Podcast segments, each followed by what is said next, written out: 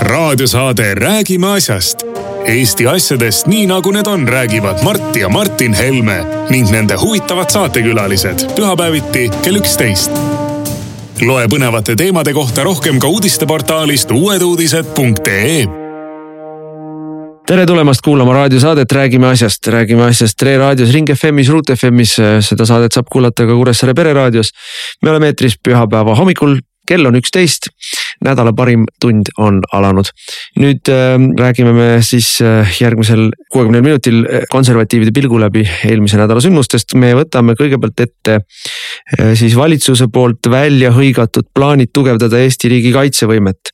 ja selleks puhuks on meil ühtlasi täna laiendatud koosseis ehk huvitav külaline Leo Kunnas lisaks minule ja, ja Mardile siin. meie teine teema on siis välismaalaste seaduse ümber toimuv möll riigikogus, mida kui Eesti meedia meediamaastiku jälgid pole olnud pole juhtunud. ja meie kolmas teema on meie poolt menetlusse antud maksualanduste eh, eelnõu, et vähendada kütuse ja gaasi nii aktsiisi kui ka käibemaksu ja, ja sellega aidata Eesti inimesi. alustame riigikaitse teemadel, et eh, noh, Ukraina sõjast endast on, on vähe, vähe ette kanda, seal on suhteliselt äh, seisab see kõik, noh, toimuvad sellised vastastikused tümitamised. Aga mis ei seisa, on, on muu maailma siis arengud ja reaktsioonid ja, ja kõige tähtsam on muidugi see, mida me ise teeme või tegemata jätame. nüüd meie erakond on äh, aastaid, ma vaatasin järgi kahe tuhande viieteistkümnenda aasta riigikaitseprogramm, mis meil oli, nõudis meil neid relvastusi, mida me praegu siis räägime. No loomulikult ei, ei, ei, ei tõstetud toru. kui me olime valitsuses, siis me noh jalgu trampides küünte ja hammastega võitlesime rannakaitse, keskmaa õhutõrje eest ja rääkisime ka sellest, et vaja on soomusvõimekust aga ma lõikan vahele siin poliitikuna ja tuletan meelde, kes tookord blokeerisid selle.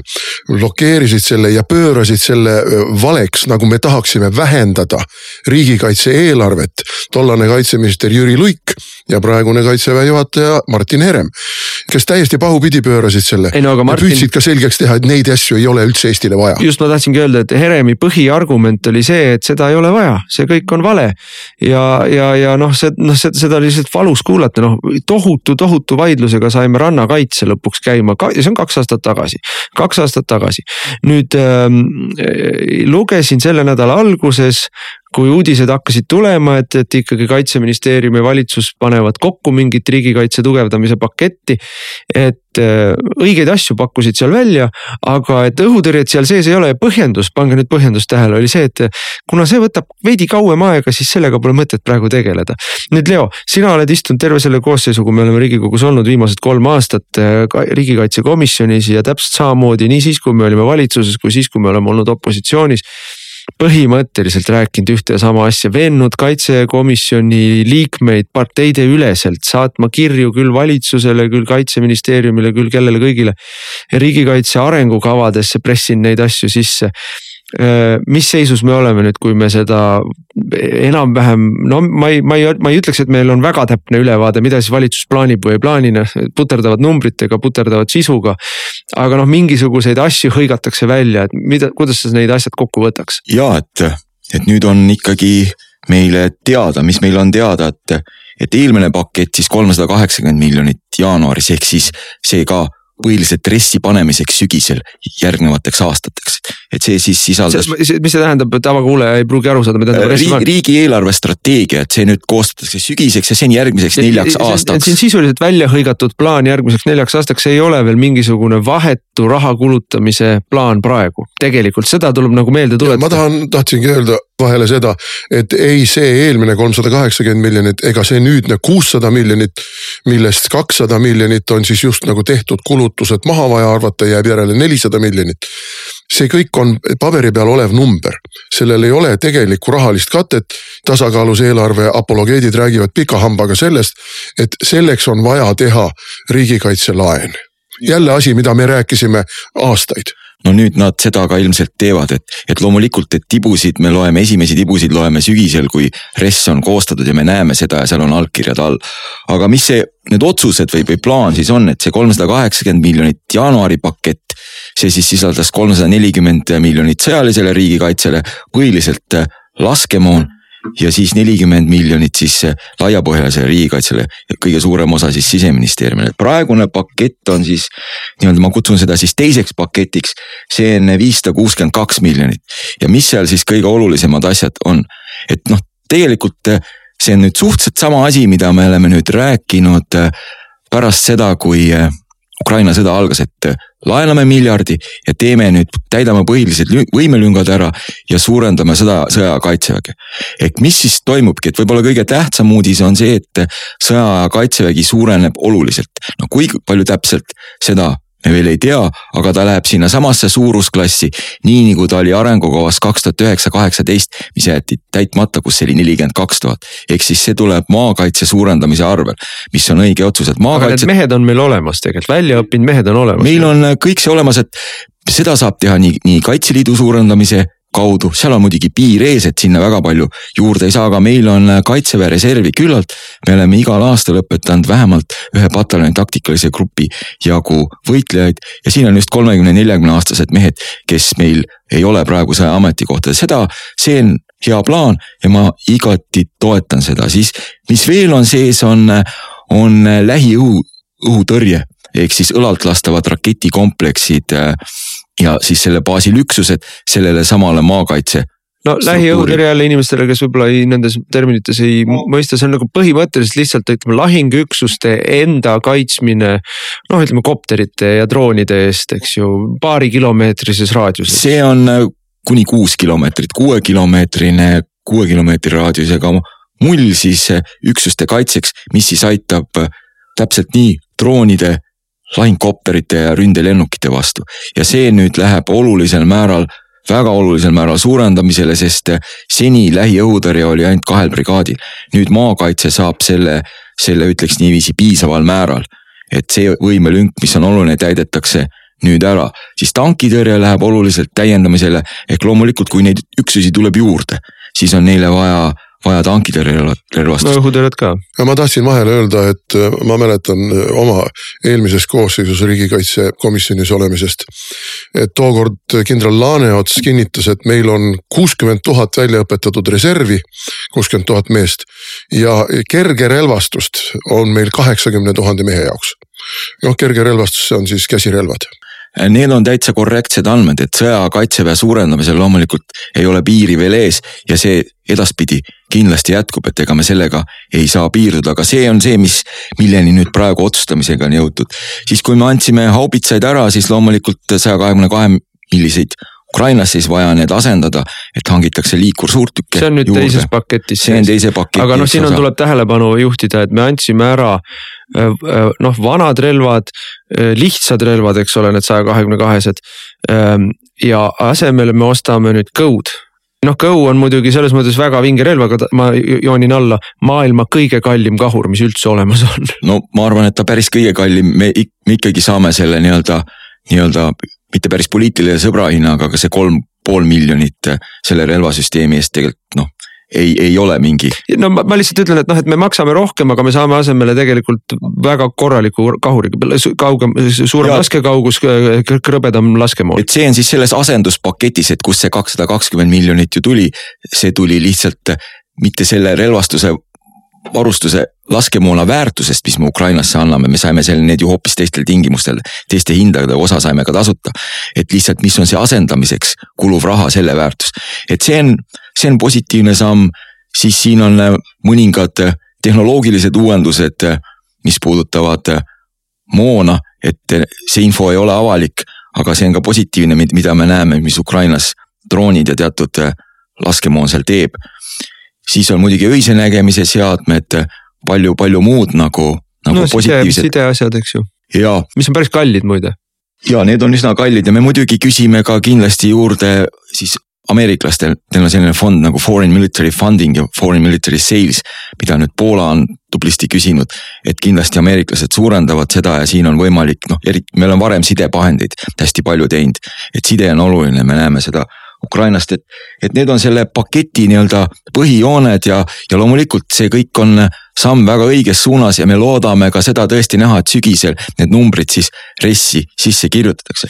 ma küsin vahele, et sügisel RES-i, vot mind see, see osa seal on, teeb mind kõige rohkem murelikuks, et meil ju tegelikult ei ole ühtegi päeva äh, üleliia praegu, et noh, minu teooria on jätkuvalt see, et kui nüüd venelased suudavad Ukrainas ikkagi oma tahtmist läbi suruda ja praeguse seisuga noh, on seal patiseis tegelikult tekkinud, aga, aga noh, pikalt siin ei, ei peatu, aga, aga põhimõtteliselt noh, minu vaatenurk asjal on selline, et venelased lõpetavad Ukrainas ära ja nad ei saada oma sõjaväge laiali, vaid nad lähevad järgmise koha kallale, kas see järgmine koht on Moldova või Eesti või, või Poola, noh keegi ei tea.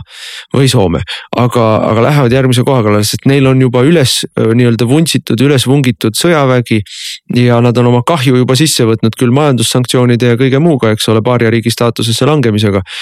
Ja, ja nüüd on küsimus lihtsalt selles, et kui kaua neil Ukrainas aega võtab ja kui palju nad seal kloppida saavad. ja, ja see tähendab seda, et noh, meil ei ole mingit ajaraami siin, ma ei tea, viis aastat või kümme aastat, no lihtsalt ei ole noh. et me ja kui me siin ütleme aprilli alguses või märtsi lõpus ütleme, et me hakkame septembris neid numbreid kokku loksutama ja nii-öelda ametlikuks tegema, siis me oleme pool aastat raisanud võib-olla mingisugusest aastasest või kaheaastasest äh, armuajast, mis meile Ukraina verega on ostetud. Ja see, see teeb mind nagu praegu väga tigedaks, noh. ma siiski loodan seda, et nüüd, kui ministeerium ja kaitseväe juhtkond on saanud selle suunise indikatsiooni, et see raha tuleb, siis nad teevad kõik need tööd ära, et. et Kusti Salm on vähemalt öelnud seda, et sellest kolmesaja kaheksakümnest miljonist ministeeriumi kantsler on öelnud, et sellest on nüüd lepingutega umbes kakssada miljonit juba kaetud, et nad siiski on tegutsenud, et, et ma, ma pigem Kustit administraatorina nagu, nagu hindaks, et, et tema nagu eelnevast tege-, tegevusest kaitseinvesteeringute keskuse ülemana. et aga keskmaa õhutõrje on nüüd see võtmeküsimus siin ja, ja siin on see määratletud nii ja ma nimetan seda siis tinglikult kolmandaks paketiks, et kolmsada viiskümmend miljonit, mille üle siis lõplik otsus tuleb, tuleb juulis kusagil. et liitlased küll otsustasid, et Kagu-Euroopat tugevdatakse, aga mitte meid praegu. ja sellest tahaks eraldi korra rääkida, aga räägi õhutõrje ära. aga ma räägin jah, selle õhutõrje asja nüüd selgeks, et mida, mis võib muidugi juhtuda, et kui brittidel on praegu siin pat, kaks pataljoni taktikalist gruppi, ehk siis nad on te, te, toonud teise pataljoni taktikalist gruppi siia ja vana pole veel läinud ja meil tuleb nüüd suur õppus Siil. et britid võivad ka tuua keskmaa või isegi kaugõhutõrje mingi üksuse nende oma üksuste kaitseks, aga neil ei ole nii palju üksusi, et nad võiks tuua neid, meile või kogu Baltikumi niiviisi, et, et need kataks meie vajadused ära, et ikkagi suurlinnade suurlinnade kaitse õhurünnakute vastu ja elanikkonna elu, elus hoidmine on see võtmeküsimus, milleks seda üldse on ju vaja. Ja seda on nüüd vähemalt üks valitsuspartneritest ehk Keskerakond hästi mõistnud ja ka, ka ajanud, et, et praegu ma hindan küll seda, et tundub nii, et et see kolmas pakett sellisena ka tuleb ja lõpuks me neid summasid RES-is näeme ja ka neile anti ülesanne, et nad peavad need hanked ja asjad kõik ette valmistama, tõenäoliselt siin tuleb niikuinii nendes otsustes, kui see ajaraam on, et kahe aastaga asju teha, tulevad riik-riigi hanked ja olemasolevatele nii-öelda hankelepingutele juba osa nii-öelda juurde liitmine, et ega muidu, muidu seda nagu ei lahendaks et võtan siis kokku, et kui see nüüd kõik teostub, siis see summa summarum kolme paketi summa oleks üks kuskil üks koma kolm miljardit. ja on selge, et selleks siis tuleb laenu võtta järgnev, järgnevatel aastatel ja see tegelikult tõstab de facto kaitsekulud. me täpselt muidugi ei tea, mis meil saavad SKT täpselt olema, aga see tõstab tegelikult suurusklassi kolm protsenti, mitte lähemaks siis kolmeks, neljaks aastaks, et, et see kõik selles mõttes oleks väga positiivne, kui see ka nii-öelda teostuks, aga meie opositsioonina peamegi selle eest hoolt kandma ja positiivsel moel kontrollima, et nüüd kõike seda nüüd eh, nii ministeerium kui kaitsevägi kui ka valitsus tervikuna teeks, mida nad on lubanud teha. ma juhin tähelepanu, et kui meil oli eelmiste riigikogu valimiste platvorm, siis me panime seal ka paika oma riigikaitseplaanid ja ütlesime et, et kaks koma viis, kaks koma kuus protsenti SKP-st peaks olema meie riigikaitse kulu, et täita ära need lüngad, aga noh, seal oli arvestatud äh, siis selle noh te, hoopis teise tempoga, et me, me teeme, et me saame neid rannakaitset ja õhutõrjet ja kõiki neid asju teha siin noh, mingisuguse viie, kuue, kümne aastaga, eks ole. nüüd me peame need ära tegema mitte, mitte viie, kuue, kümne aastaga, vaid viie, kuue, kümne kuuga kuluga. ja see tähendab loomulikult, et noh, see nii-öelda ka see kulu on pressitud kokku lühemasse perioodi. aga jah, ma, mina olen kõige rohkem ikka jätkuvalt mures selle õhutõrje pärast, sest ma tean, kui, kui äh, kangekaelselt ja, ja fanaatiliselt tegelikult tänane kaitseväe juhataja Martin Herem on võidelnud selle õhu, keskmaa õhutõrje vastu, noh, ma ei hakka siin välja tooma neid äh, jutuajamisi, mis meil olid, kui me istusime valitsuses ja ja valitsuse julgeolekukomisjonis nii-öelda tinakambris noh, ikkagi väga-väga-väga intensiivseid vaidlusid pidasime, eks, aga, aga, ja, ja ka pärast seda kõiki neid mis ma nüüd näen, ma näen ohtu, et meile tehakse siin üks, üks selline lükatõmba või, või noh, niisugune silmamoondustrikk tehakse, et öeldakse, et me küsime. et me praegu ei tee õhutõrje osas rahalisi otsuseid ega mingeid muid otsuseid, sest et me oleme küsinud liitlastelt õhutõrje äh, saamist siia. ja, ja see vastus tuleb noh, sa ütlesid kolme kuu jooksul, juunikuuks. Mm, selleks ajaks on meil suur suvi ja jaanipäev ja siis loksub ta edasi sügisesse RES-i aega. RES-i ajaks on meil noh, täiesti põleb heleda leegiga eelarvekulud, et kõik, mis puudutavad pagulasi meil. ja, ja siis hakatakse juba senti saagima ja siis jälle lükkub ja lükkub ja lükkub edasi, et selle asemel, et täna teha otsus ära, et me ostame selle igal juhul niikuinii ise ka ja kõik, mis tuleb, tuleb liitlaste poolt lisaks siia ja ma tean ka seda juttu, mida räägib kaitseministeerium siin taustal, et meil endal oma õhutõrjet tegelikult ei ole mõtet teha, et teeme kolme Balti riigi peale koos ja, ja las ameeriklased üldse juhivad seda. et no mina ei ole sellega nõus, meil peab olema kindlasti täiesti selgelt nii-öelda täitsa oma oma Ameerika Ühendriigid aitavadki meil õhukaitse juhtimissüsteemi teha, sest seda on vaja selleks, et integreerida kõik, ehk siis no,. aga seal on satelliidid ja seal on kõik asjad sees. hävitajad, kaugõhutõrje, kõik, mis sõja ajal siin oleks, aga just ameeriklased on ju meile kogu aeg indikeerinud seda, nii nagu näiteks ka Oidsalu oma artiklis kirjutab, et. et seda on vaja kasvõi selleks, et liitlased saaks üldse maale tulla. et selle üle praegu tegelikult vaidlust enam ei ole, et, et poliitilised otsused tegelikult on tehtud, et kui riigikaitsekomisjon tegi konsensusliku kirja valitsusele, et see tuleb teha, siit noh aga sellest on mitu kuud möödas juba ja siis ei tõstetud lihtsalt toru. et, et, et nüüd sellest ei ole pääsu, et, et see peab RES-i minema ja nagu ma ütlesin, me peame teostama seda positiivset kontrolli siin, et see tõesti, et need kolm paketti, et see üks koma kolm miljardit RES-i saaks. Need laenud võetaks, et kõik see tehtaks ja kaitseväe juhataja muidugi noh, temal on vaja see ju teos, teostada selleks, et armeed suurendada ja kõiki neid võimekusi saavutada, ta peab ju hoolega üle vaatama kogu oma personalipoliitikat. ka need inimesed, kes nüüd vaktsineerimatuse tõttu vallandati, tuleb tagasi kutsuda, paljud, kes on nüüd, nüüd teenistuselt lah-, lahkunud, nemad peavad, kus need sõjaametikohad sinna struktuuri siis tulevad nagu. ringkonnastaape on vaja oluliselt tugevdada, sinna on vaja tekitada rahuaja tuumikud. see, need on kõik väga rasked ülesanded, mida see ei ole jõukohane riigikaitse, mida me tegime eelmise kümnendi, et, et, et kogu see senine doktriin on läinud nii-öelda ajaloo prügikasti, kus oli ka tema koht. et nüüd me sisuliselt oleme pöördunud tagasi sinnasamma, kus me olime arengukavas null üheksa, kaheksateist, ainult äh, tankid on veel jäänud nendest põhivõimekutest puudu. ja noh, meie loomulikult konstruktiivse opositsioonina, mis meie ülesanne on, lihtsalt jälgida, et äh, valitsus seda korralikult teeks, et see RES-i läheks, et äh, ministeerium kaitseväe juhtkond, et kõik täidaksid oma osa ja need asjad ka tehtakse ja meie ja loomulikult me aitame neil seda teha. me vaatame seda positiivses võtmes, isegi kõik pärast kõike seda, mis vahepeal on toimunud, et nüüd on tähtis, et tehakse, ei ole tähtis, kes teeb nüüd. ilma selleta ei saa ei no ilma selleta siis on Tallinn lõpuks samasuguses olukorras nagu on Mariupol või, või, või, või ma ei tea, mingi teine linn no,. ma ei ole, ma ei ole nii pessimistlik selles mõttes, et ma ütlen sulle, et see valitsus sellisel juhul kapituleerub lihtsalt. aga ma tuleks selle teema juurde korraks ikkagi tagasi, et oli NATO kohtumine tipp, tippkohtumine ja seal otsustati tugevdada NATO idatiiba päris üksustega, päris vägedega.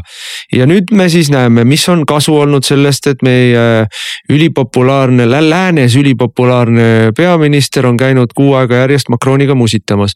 ja, ja Johnsoniga kallistamas, et äh, Eestisse ei tule midagi, e, tuleb äh, Bulgaariasse, tuleb Poola, aga Baltikumisse mitte midagi.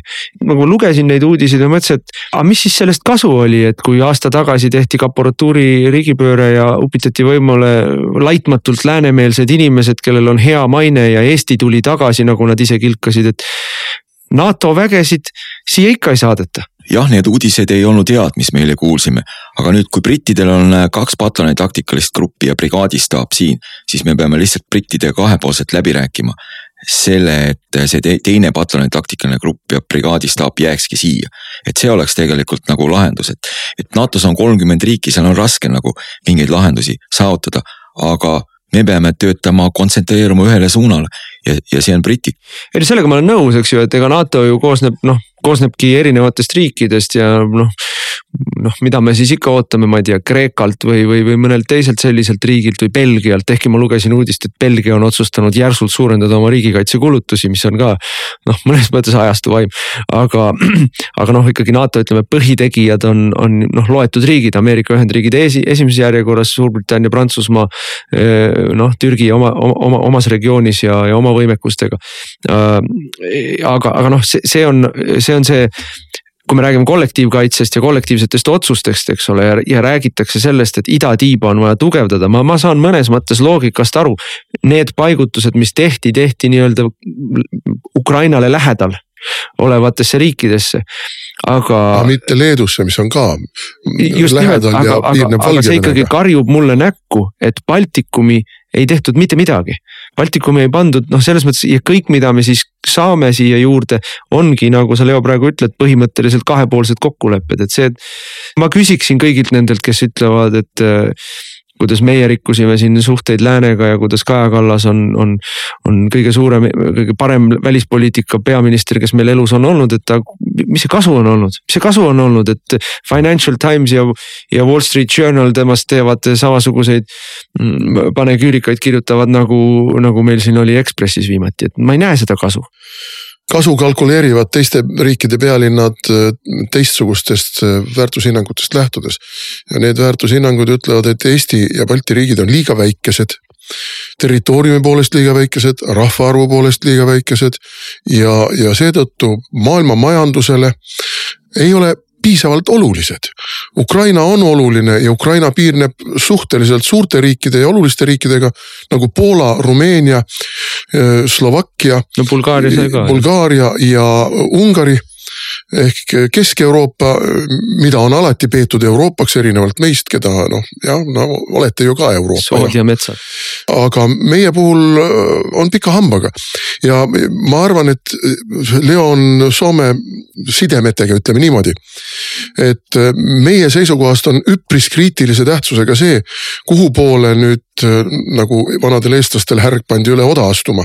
et kumba jalaga astub nüüd üle oda Soome sest see tekitab siin meie Läänemere regioonis täiesti teistsuguse julgeolekupoliitilise olukorra. ühelt poolt see kohutavalt ärritab Venemaad, aga teiselt poolt see tähendab muidugi Venemaale ehm, NATO piiri pikenemist tuhande kahesaja viiekümne kilomeetri võrra ja ühe tõeliselt võitlusvõimelise riigi lisandumist. no ma ise, ise loodan muidugi ka südamest, et see on muidugi Soome rahva otsus, mis nad teevad ja, ja Soome valitsuse ja parlamendi otsus, et nad ühel momendil jõuaks selleni, et et Soome astuks NATO-sse, et see põhimõtteliselt muudaks strateegilist situatsiooni. aga aitab ka see, et Soome ja Rootsi tegelikult püüavad Ameerika Ühendriikidega saavutada sellise eraldi liitlase staatuse. nii nagu see näiteks Jaapanil või Lõuna-Koreal, et, et, et võib-olla nad, nad lähevad ka seda teed ja ka sellest tegelikult on meil palju abi. et muidugi noh, mis on meie eesmärk nüüd liitlaste vägede paigutamine paigutamisel siia ongi tegelikult, et liitlased paigutaks igasse Balti riiki brigaadi suuruse üksuse ehk siis mehhaniseeritud või soomusbrigaadi, et. et kui me näeme siin, et kolmas pataljon taktikaline grupp tuleks ka juurde, et sel juhul see peaks olema, olema nii-öelda soomuspataljon või, või tankipataljon.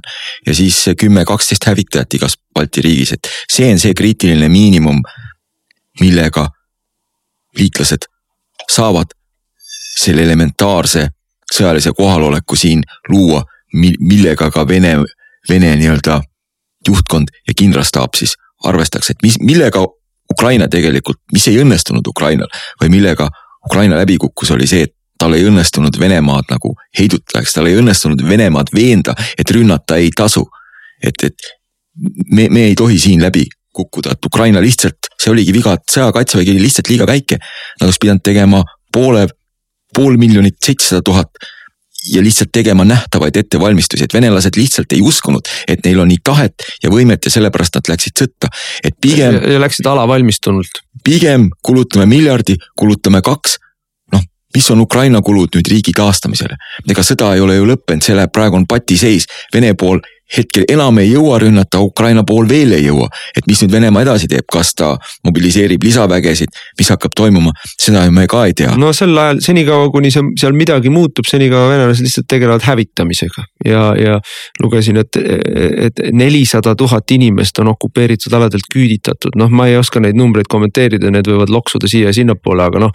hävitamine on see igal juhul, see on ju riigi hävitamine, kui sa inimesi minema pead. ja, ja võib-olla siinkohal veel, et mis minu sõnum oleks kõigile nendele oponentidele, kes meil kunagi on olnud, kes, kes läbi aegade on seda niinimetatud jutumärkides jõukohast riigikaitset toetanud. et minu sõnum, sõnum olekski, et praegu on parim see, mis te saate teha.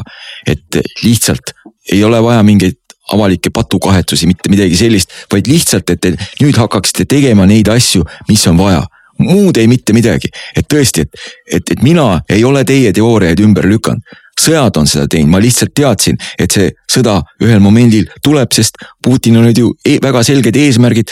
ta kommunikeeris neid väga selgelt nagu, nagu Hitler Mein Kampfis, et mis ta tahab teha ja noh ja ta näitas ka juba teises Tšetšeenia sõjas, mida ta reaalselt teeb, nagu nüüd ta teeb täpselt sama asja lihtsalt, aga väga paljud ei uskunud, et, et, et see on parim, mida kõik saavad praegu teha nii poliitilisel, ametkondlikul tasandil kui ka, kui ka kaitseväe tasandil, et viime need asjad ellu. see on kõigi huvides, see on rahva ja riigi huvides ja, ja, mina ei ole see taga, tagasihoidlik isik, kes on selle kukutanud, selle teoreetilise konstruktsiooni. sõda on seda teinud, see lihtsalt on nii. raadiosaade Räägime asjast Eesti asjadest nii nagu need on, räägivad Mart ja Martin Helme ning nende huvitavad saatekülalised pühapäeviti kell üksteist loe põnevate teemade kohta rohkem ka uudisteportaalist uueduudised.ee. jätkame saadet, stuudios on Mart Helme, Leo Kunnas ja mina olen Martin Helme. meie teine plokk võtab kokku Riigikogu selle lõppeva nädala siis nii-öelda töö või võitlused ju no sissejuhatuseks tuleb öelda, et kui kahekümne neljandal veebruaril sõda algas, siis kahekümne viiendal veebruaril kutsus Kaja Kallas äh, riigikogu erakondade juhid enda juurde, et noh, nii-öelda rahvuslikku leppimist või sellist noh sisepoliitilist teatud äh, temperatuuri alandamist teha ja noh, seal loomulikult käisid kõik teemad läbi, alates koroonast, jätkates pagulaste teemaga, riigikaitse teemaga. Ja, ja Kaja Kallas hakkas kohe seal veeretama jutukest, et noh, et ei noh, nüüd tuleb neid vastu muidugi võtta ja küllap neid tuleb palju ja neile kõigile tuleb anda võimalus siin Eestis töötada, ma ütlesin, et et pagulaste aitamine ja Ukraina aitamine loomulikult me oleme nõus ja, ja mingisuguse hulga me loomulikult saame aru, et Eesti peab, saab ja peab aitama. aga et äh, kuskil on number ees, kust maalt edasi meie ei ole nõus ja hoiatasin väga selgelt, et kui nüüd Reformierakond kujutab ette, et Ukraina sõda on see ettekääne või põhjendus, millega Eesti tööjõuturg lüüakse pärani valla odavtööjõule ükskõik kust siis noh, siin mingisugust äh, sisepoliitilist rahu küll ei ole ja ei tule. ja noh, natukene aega nad mõtlesid äh, ja siis ilmselt otsustasid, et neil ükskõik. ja valitsus on toonud ju juba aasta alguses vist või, või aasta lõpul koputas ära, aasta alguses andis riigikogule üle välismaalaste seaduse muutuse, mis, mis teeks täpselt seda, et kõik need piirangud, mis on odavtööjõule, praktiliselt võeti maha. aga seda eelnõud on meil võimalik blokeerima hakata, sest et see ei ole veel esimesele lugemiselegi tulnud riigikogus ja kuna nad sellest aru said, siis nad võtsid sahtlist välja meie valitsuse ajast saadik sahtlis istunud välismaalaste seaduse muudatuse. millel kõikide muudatusettepanekute tähtajad said ammu-ammu kaks aastat tagasi täis tegelikult aasta tagasi täis ja millele meie enam muudatusi juurde panna ei saa.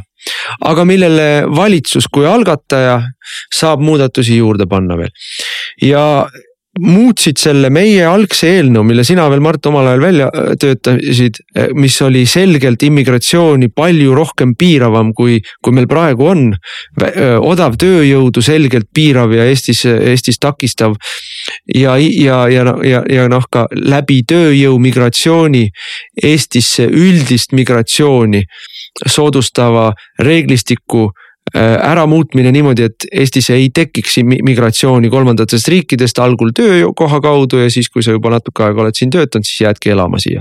et meie algne eelnõu oli kõike seda pärssida ja, ja, ja, ja seda odavtööjõu immigratsiooni, üldse tööjõu immigratsiooni ja selle kaudu ka muud, kogu muud immigratsiooni takistada ja vähendada. ja nemad on nüüd võtnud selle seaduseelnõu ja teinud kõik seal risti vastupidiseks kõik väravad on valla, kõik võimalused on valla. tööjõudu saab tulla Eestisse piiramatus koguses odava, noh palganõue on sisuliselt kadunud. Mm, töötada saab koha peal ennast ümber vormistada uuele töökohale, töötaja saab kohapeal olemist pikendada korduvalt ja pikalt pikendada, seejärel juba alaliseks tööloaks teha, kõik kõik võimalused on olemas, Eestil ei ole enam mingit immigratsioonipoliitikat, kõik, kes tulevad, saavad tööle hakata põhimõtteliselt. ja odavalt tööle hakata, miinimumpalgaga tööle hakata nii et noh, see on selles mõttes noh, see on, see on, see on, see on maailma lõpu seadus, sellega lõpeb Eesti, Eesti rahvusriik ära. sellega lõpeb Eesti majanduse areng ära, sest et me muutume lihtsalt, siia hakkab äh, lõputus koguses voolama mitte ainult ukrainlasi, vaid bangladeshlasi, süürlasi, nigeerlasi. noh, keda iganes, ükskõik kust ja, ja, ja noh, meie tööstus äh, stagneerub, sest et tööandjatel puudub vajadus pingutada. et olla efektiivne, sest sa võid alati võtta veel ühest jopa juurde odava raha eest. ja, ja öelda talle, et tööpäeva pikkus on kaksteist tundi. et noh, see on, see on, see on nii ilge seadus, see on ka nii ilge, ta on moraalselt ilge selles mõttes ka, et ta noh, tegelikult muudab need pagulased, kes sealt Ukrainast tõesti on tulnud pommirahe alt ära, siin orjatööjõuks. no kõige küünilisem ongi see et ühelt poolt hädaldatakse ja tuntakse kaasa, et vaesekesed ja me peame neid aitama ja nad tulevad ju pommirahe alt ja nad on ju kõik maha jätnud ja nende mehed on võitlema jäänud ja. ja, ja, ja noh, kas teil tõesti kivist süda on sees ja te neile kaasa ei tunne? muidugi tunneme, aga see ei tähenda seda, et teiselt poolt te ütlete, et täiesti küüniliselt, et aga see on tööjõud ja, ja see tööjõud võib siin töötada ükskõik mis töökohal, aga miinimumpalk on ka lubatud. et ehk teiste sõnadega kuritarvitatakse inimeste häda selleks, et mingisugune hulk meie ettevõtjaid, eriti ehituses ja teatud põllumajandusharudes saaksid neid puulasi ja tohtlasi, sõna otseses mõttes puulasi ja tohtlasi, hädas inimesi saaksid orja tööle võtta miinimumpalgaga. vaadake ise, kuidas elate, no riik maksab teile vähemalt esialgu elamise kinni aga ma ütlen ka seda, et äh, kas teil südant sees ei ole Eesti inimeste suhtes, kel, kel juba vallandatakse, juba vallandatakse. juba vallandatakse ka neid ukrainlasi, kes ennem sõda Eestis töötasid ja kellel oli keskmise palga nõue. ehk kellele tuli maksta tuhat nelisada eurot äh, miinimum. Neid vallandatakse ja asemele võetakse kuuesaja viiekümne euroga teine ukrainlane. et kas meil nagu süda sees ei ole Eesti inimeste suhtes, kes. Eesti inimene mingu Soome. no just ja see on rahvastiku väljavahetamise seadus, mis meile on tulnud. noh, siin, siin, see on nii mitu jälki valet, esiteks on see vale, noh, Kaja Kallas käis äh, Esimeses stuudios ja jälle loomulikult valetas, noh, ta ongi patoloogiline valetaja. et aga see ongi EKRE enda seadus ja oli, meie algatasime ja selle seaduse eesmärk oli piirata tööjõu sissevedu ja piirata võimalust siia tuua odavat tööjõudu. no mul on tunne, et meil ikkagi laiad rahvahulgad ei saa aru, missuguses tohutu traagilises demograafilises olukorras me praegu oleme. muide, kolmapäevane Eesti Ekspress, mida ma üldiselt ei loe aga kuna seal oli eh, mingisugune nupuke, mida ma kuskil nägin, et, et keegi on kirjutanud sellest, kuidas, kuidas vana kolmikliitu tahetakse renoveerida või ellu äratada Eh, reanimeerida. Eh, siis, siis ma mõtlesin, ma võtan kätte ja vaatan, et mis seal siis kirjutatakse, kui palju seal tõde ja kui palju vale. no valet oli rohkem kui tõde. aga noh, see on eh, jällegi Eesti Ekspressile ka tüüpiline. aga siis ma sattusin vaatama, ma lasin küll enam-vähem diagonaalis pilgu üle Eero Epneri no täiesti maotu Imal, panegüürika Kaja Kallase no,. Ja, ehedalt nõukogudeaegne kiidu jah, vaht. no lihtsalt noh, sõrmi ei ole vaja ka kurku ajada, iseenesest tuleb. aga mis, mis ma sealt leidsin, vaatamata sellele, et ma diagonaalis seda lugesin, oli number ja see number oli sada viiskümmend tuhat. sada viiskümmend tuhat mida? Eurot, ei, sada viiskümmend tuhat immigranti Ukrainast on Eesti valmis vastu võtma. selle on välja öelnud eh, needsamad tegelased, kellest see artikkel oli, Kaja Kallas, Taimar Peterkop ja, ja terve hulk teisi, kelle, keda oli intervjueeritud siis, et seda artiklit kokku saada. sada viiskümmend tuhat, eelmises saates me rääkisime sajast tuhandest, nüüd on siis välja lobisetud sada viiskümmend tuhat ja, ja eile oli kuskil, eh, ma ei tea, kas Päevalehe või kelle juhtkiri oli Eesti kasvab kümnendiku võrra ehk teiste sõnadega ongi sada viiskümmend tuhat, aga noh, selles seaduses on veel üks absurdne asi sees, mille üle me tõstsime ka kisa, no teatavasti reformierakondlased ei, ei hoia kokku valesid ja, ja, ja paksu värvi, et, et üritada jätta muljet, nagu me oleksime mingisugused Vene pooldajad või putinistid, noh, noh jälgimat laimu annab otsida, aga noh, silm ka ei pilgu, kui nad seda laimu levitavad. Aga mis oli seaduses sees, mille siis Reformierakond ja Keskerakond kahe peale kokku oma muudatustega pea peale on kirjutanud. Sõnaselgelt ütleb siseministeerium meile seadusemuudatuses, et Ukrainas puhkes kahekümne neljandal veebruaril sellel aastal konflikt.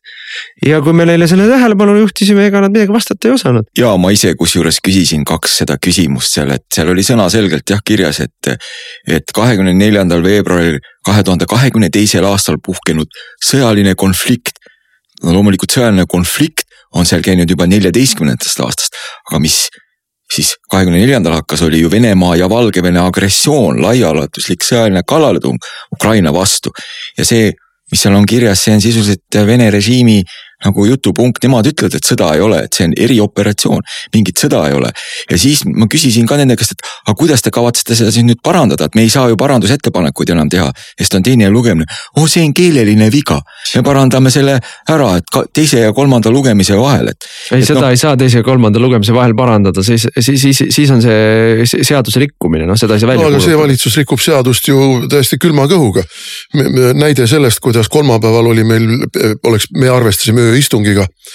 Äh, aga kolm ministrit jäid lihtsalt ilmumata, ei ilmunudki riigikogu ette ja reformierakondlased teevad kalasilmad pähe ja, ja milles, milles probleem? no lisaks sellele jätsid riigikogus oma päevakorrapunkti ajal pulti tulemata ka kaks äh, riigikogu liiget ehk üks neist äh, oli ka komisjoni esimees, majanduskomisjoni esimees Kristen Michal. ja, ja siis majanduskomisjoni liige Anneli Akkermann, mõlemad reformikad. Ehm, äh, ministrid, paneme nad siin ka ilusti häbiposti. Signe Riisalo pidi tulema tegema meile ülevaate oma valitsemisala arengukavadest. noh, seal on igal saadikul võimalik küsimus küsida ja seal on kõnesid võimalik pidada, sihuke poolteist tundi ikka kuluks.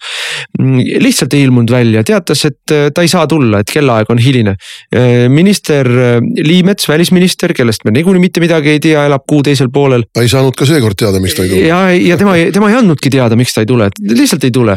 ja Andres Sutt, Andres Sutt, kes on valitsuses peamine välistööjõu äh, läbisurumise selline eestvõtja. Andres Sutt pidi tulema küberturvalisusest rääkima. kõik need eelnõud muide ei ole üldse suvalised eelnõud, seesama küberturvalisus on praeguses riigikaitse situatsioonis tähtis eelnõu.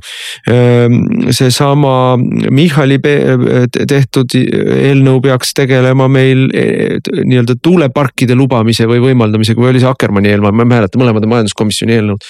et, et energiapoliitika tähtsad eelnõud lihtsalt lihtsalt ei tule välja ja, ja noh, äh, ütleme kodukord ütleb, et on menetluse võimetus, kui ei tule välja, kusjuures nad ise koperdavad samal ajal äh, kohvikus põhimõtteliselt, eks ole, riigikogu no,. Sutt oli kohvikus, ma ise nägin. ja ei muidugi, nad olid majas, kõik ma nägin, Sutt oli, Akkermann küsis mult veel ennem päevakorrapunkti. Akkermann istus saalis, küsis, mis te minu punktiga teete, ma ütlesin, mis me ikka teeme küsime ja hääletame ja, ja, ja noh, ja siis oligi kadunud. Michal oli ka majas kui riigikogu saadikud ei tule, noh siis see on nagu noh, tegelikult tuleks teha kambakas või, või, või sellele fraktsiooni kaudu. aga kui valitsuse liikmed ei tule riigikogusse, siis see on seaduse rikkumine, sest et riigikogu kodukorra seadus ütleb, et valitsuse liikmetel on kohustus ilmuda. nii et nad rikkusid täiesti külma kõhuga seadust ja nüüd on eriti huvitav on veel see, et aga kas Eesti meediast, kallid kuulajad on midagi näinud, lugenud, kuulnud. kas oli, kas oli skandaal? Kas oli skandaal, ma mäletan, milline skandaal oli, kui mina ei läinud Jürgen Ligi komisjoni kohale. jumal hoidku, mismoodi, mismoodi kriisati ja röögiti ja sõimati. kui Jürgen Ligi üritas kinni mätsida oma, ütleme selle erakonna huvides takistada rahapesu uurimisi läbi riigikogu komisjoni, et kuidas, kuidas on võimalik, et minister ei tule komisjoni kohale, kusjuures komisjon ei olnud päevakorda pannud, sest neil ei olnud hääli selle jaoks. aga nüüd ei tule. ma rääkisin ühe ajakirjanikuga, kes ütles, et aga ise alustasite ju ma ütlesin, mida me alustasime, no obstruktsiooni teete. ma ütlesin, aga obstruktsioon on seaduslik, aga see, et minister ei tule, on ebaseaduslik no mõnes mõttes me ju võitsime siis selle obstruktsiooniga, et kui, kui valitsus loobus viie, viie eelnõu menetlemisest.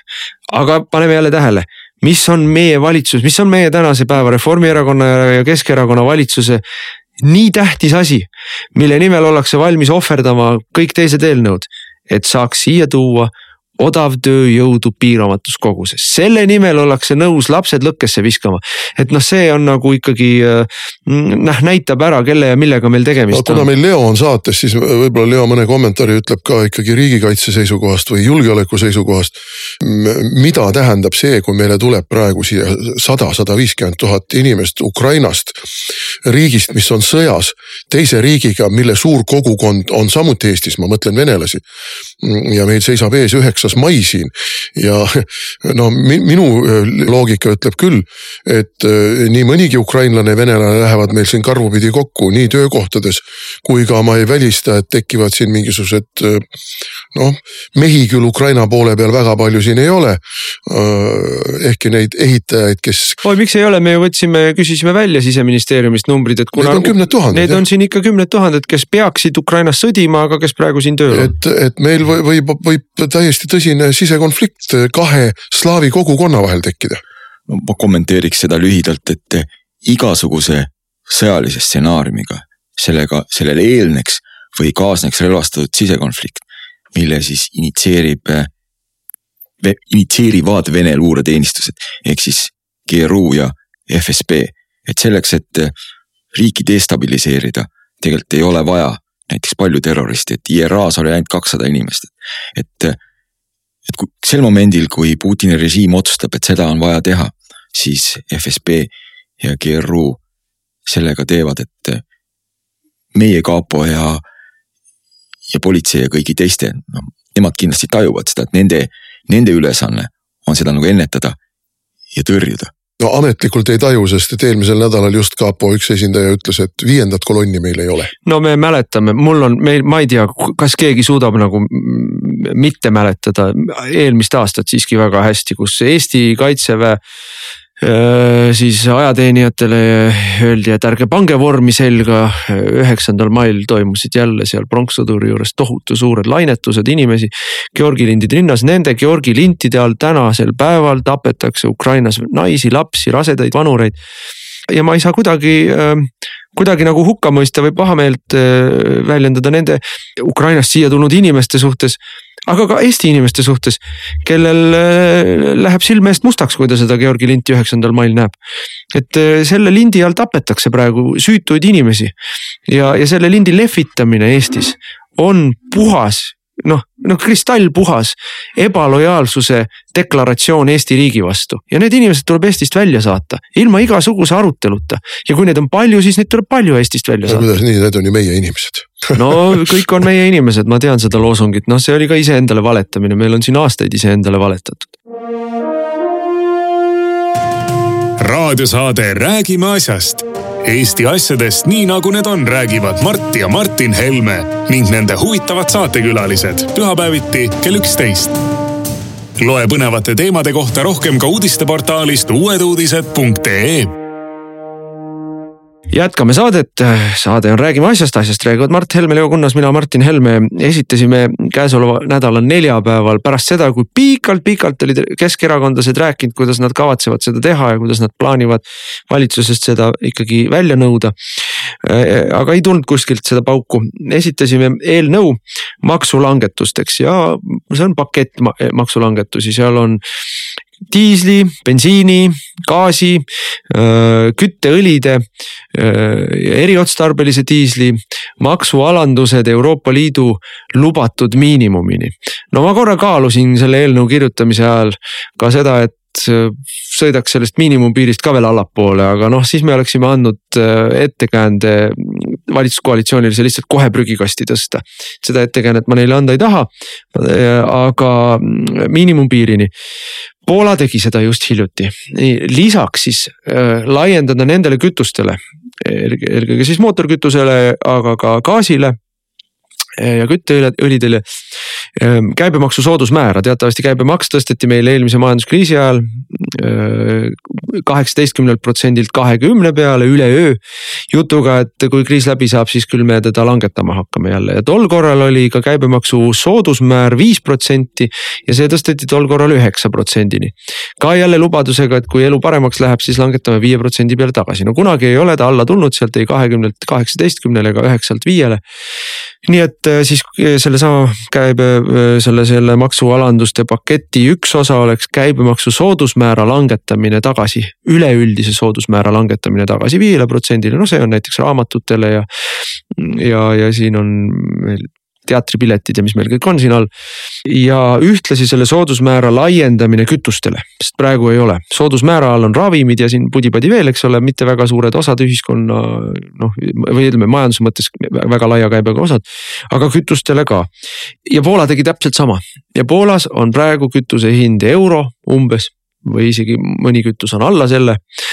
ja meil on kaks eurot, eks ju nii et äh, kui meil nüüd siin rahandusminister ütles, et ei noh, pole mõtet neid makse alandada, et noh, tuleks alla viis-kuus senti. no siis ta lihtsalt kas ei tea või valetab jälle. loomulikult valetab jälle, sest no ma ei tea, ausalt öeldes tänaste, tänase valitsuse ministrite puhul ei saa kunagi välistada, et nad ei, ei saagi mitte millestki mitte midagi aru. aga äh, mina väidan, et nende maksualanduste puhul, puhul Eestis tuleksid diisli ja bensiini hinnad alla minimaalselt kuuskümmend, viiskümmend, kuuskümmend senti, aga ma pakun, et pigem seal seitsekümmend senti umbes. Nii et noh, me oleksime oma kütustega ikkagi seal noh, mitte päris euro peal, aga ütleme seal euro kahekümne peal võib-olla, euro kolmekümne peal, sõltuvalt kütuseliigist, võib-olla üheksakümmend kaheksa on kallim, diisel odavam, eks ju. ja ka kodusoe läheks oluliselt odavamaks, et noh, meil ikkagi kakssada tuhat kodumajapidamist kütavad ennast gaasiga.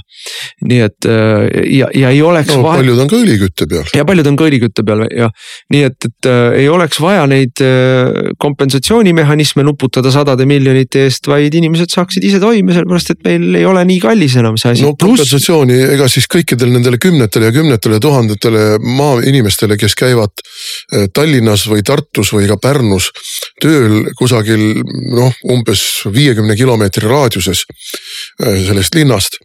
Eh, nad sõidavad iga päev maha, noh kusagil kuidas keegi kuuskümmend, kaheksakümmend, sada kilomeetrit edasi-tagasi. see kütuse hind lööb praegu ikka neil noh, sõna otseses mõttes jalust maha ja, ja paljudel puhkudel inimestel hakkab tekkima juba selline noh, aga miks ma seal tööl käin üldse.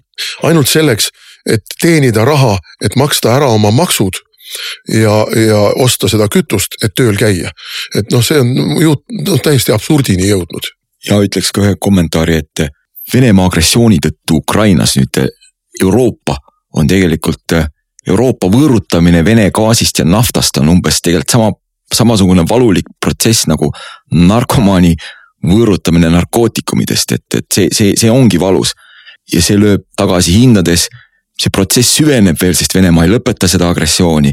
ja noh, me peame olema, tegema kõik, et, et nii-öelda need tavalised inimesed selle võõrutuskuuri käigus, mis nüüd aset leiab, leiab, mis on majanduslikult nagu väga raske ja lööb inimeste taskute pihta, et. et inimesed siis võimalikult vähe kannataks, et, et nüüd mõelda seda, et seda nüüd ei tule et see oleks soovmõtlemine. no ega siin tulevad tõenäoliselt ka igasuguste vahendite mm, turult kadumised, no ja näiteks praegu on üks, üks asi, mille kadumine turult hakkab kohe-kohe tunda andma diiselautode omanikele, on see diislikütuse lisand AdBlue.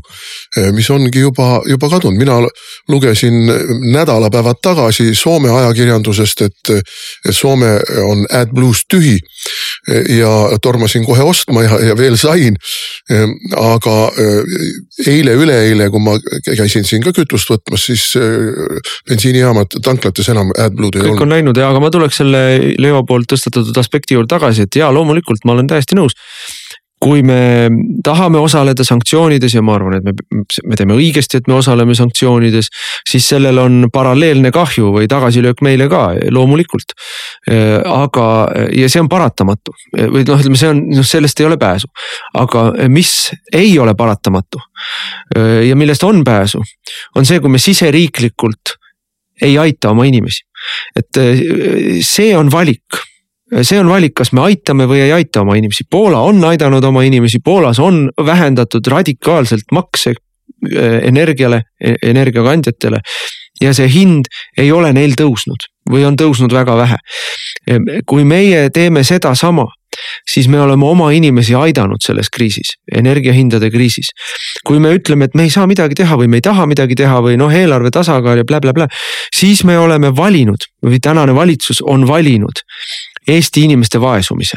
sest et mida tähendab kütusehindade tõus ja, ja gaasi ja elektri hinna tõus, see tähendab inimeste sundkulutuste hüppelist kasvu.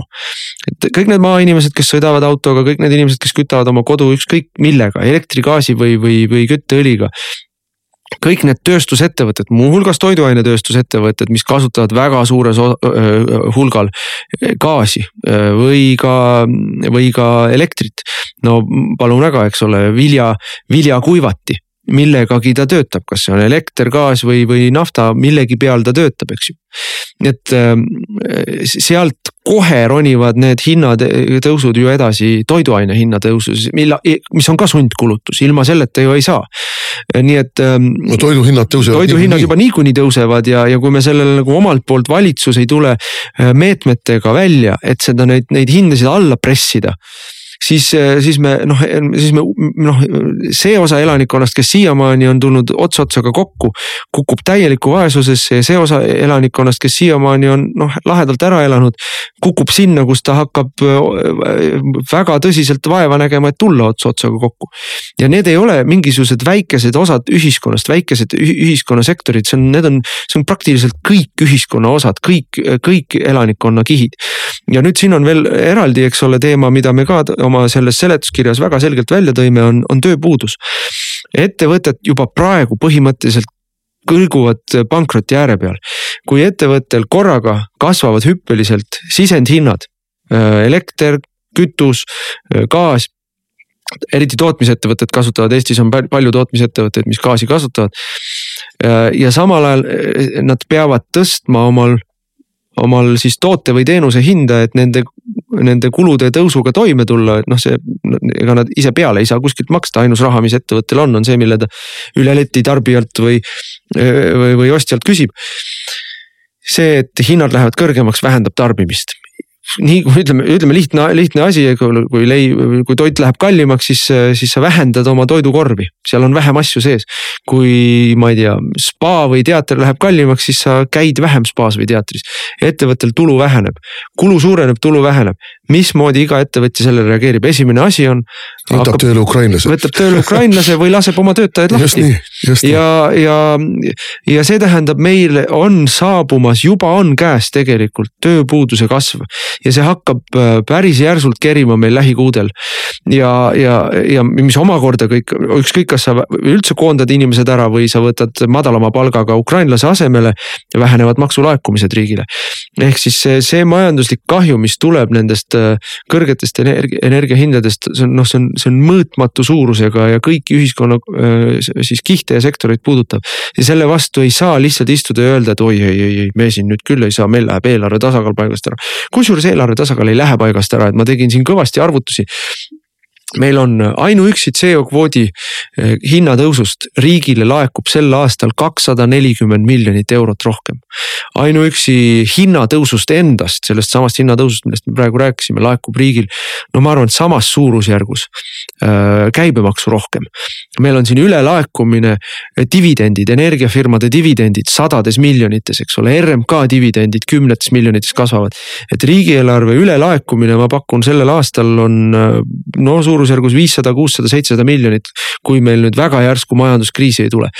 et siin teha selline paarisaja noh, minu arvutuse järgi kuskil kahesaja viie, kuuekümne miljoniline maksualandus, noh, ütleme maksualandus, mis vähendab riigieelarvelisi laekumisi paaris veerand miljoni, veerand miljardi võrra ei tekita Eesti riigieelarves veel miinust, ei tekita. milleks eksisteerib Eesti riik, kas riigieelarveks ja riigieelarve tasakaaluks või selles elavate inimeste heaoluks? no ütle ikkagi ütleks, et Eesti, Eesti inimeste jaoks eksisteerib Eesti riik. ja, ja siin ongi nüüd see ettepanek, millega me tulime juba kuu aega tagasi, kohe kui Ukrainas sõda puhkes välja, et oleks vaja kodurahu ja konsensuslike otsuste saavutamiseks konsultatiivkogu, kus on kõik riigikogus esindatud erakondade esindajad. See ei peaks puudutama mitte ainult riigikaitset ja, ja kodanikkonnakaitset ja, ja muid niisugusi noh, võib-olla sõjalise dimensiooniga asju, vaid see peaks puudutama ka regionaalpoliitikat, tööhõivet, inimeste toimetulekut, hinnapoliitikat ja, ja palju-palju-palju muid asju. see on see koht, kus praegu peaks äh, igasuguse vastandumise ära lõpetama.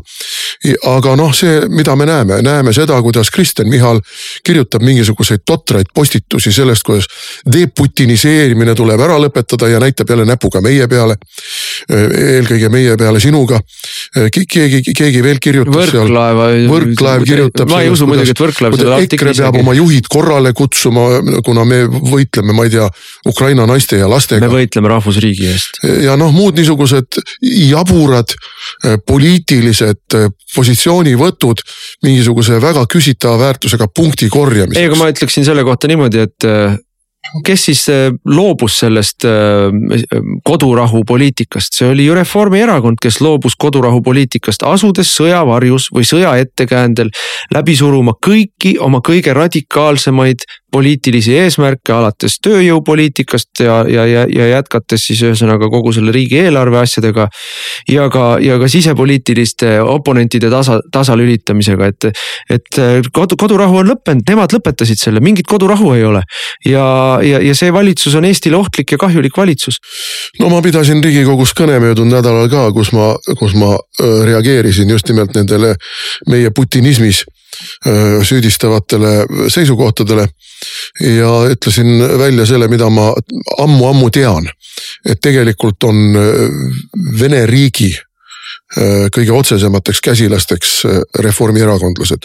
mitte Reformierakond tervikuna muidugi iga lihtliikme tasandil, aga teatud hulk Reformierakonna juhtpoliitikuid ja nad on selle Venemaa luurete konksu otsas juba VEB Fondiga VEB Fondi äh, afääridest alates.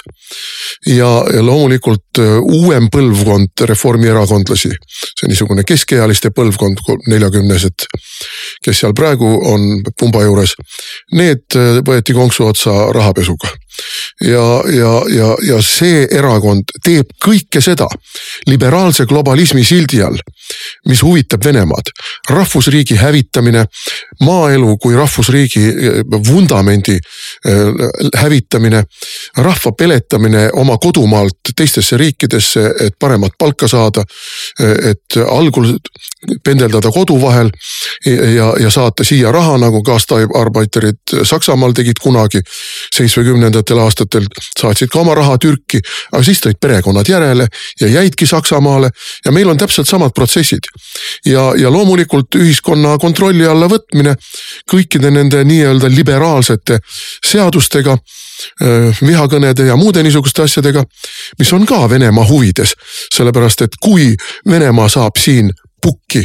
Oma marionettvalitsuse, lõplikult oma marionettvalitsuse, nagu ta praegu püüab ju saada Ukrainas, siis on ühiskond, ühiskonna tasalülitamine juba toimunud ja uus režiim Putini-meelne või Venemaa-meelne või Moskva-meelne režiim saab rahumeeli jätkata uue paradigma pealesurumist siinsele rahvastikule, kus võib-olla kolmandiku jagu veel ainult on järel eestlasi. no uus sigadus, mille osas tuleb väga selgelt silmad lahti hoida, on ikkagi, ma olen kuulnud, et et justiitsminister Maris Lauri ei, ei ole jätnud oma soovi ikkagi vihakõneseadust või meelsuskontrolli seadust läbi suruda ja nüüd on siis uus ettekääne, nagu öeldud, kõiki sigadusi põhjendatakse Ukraina sõjaga.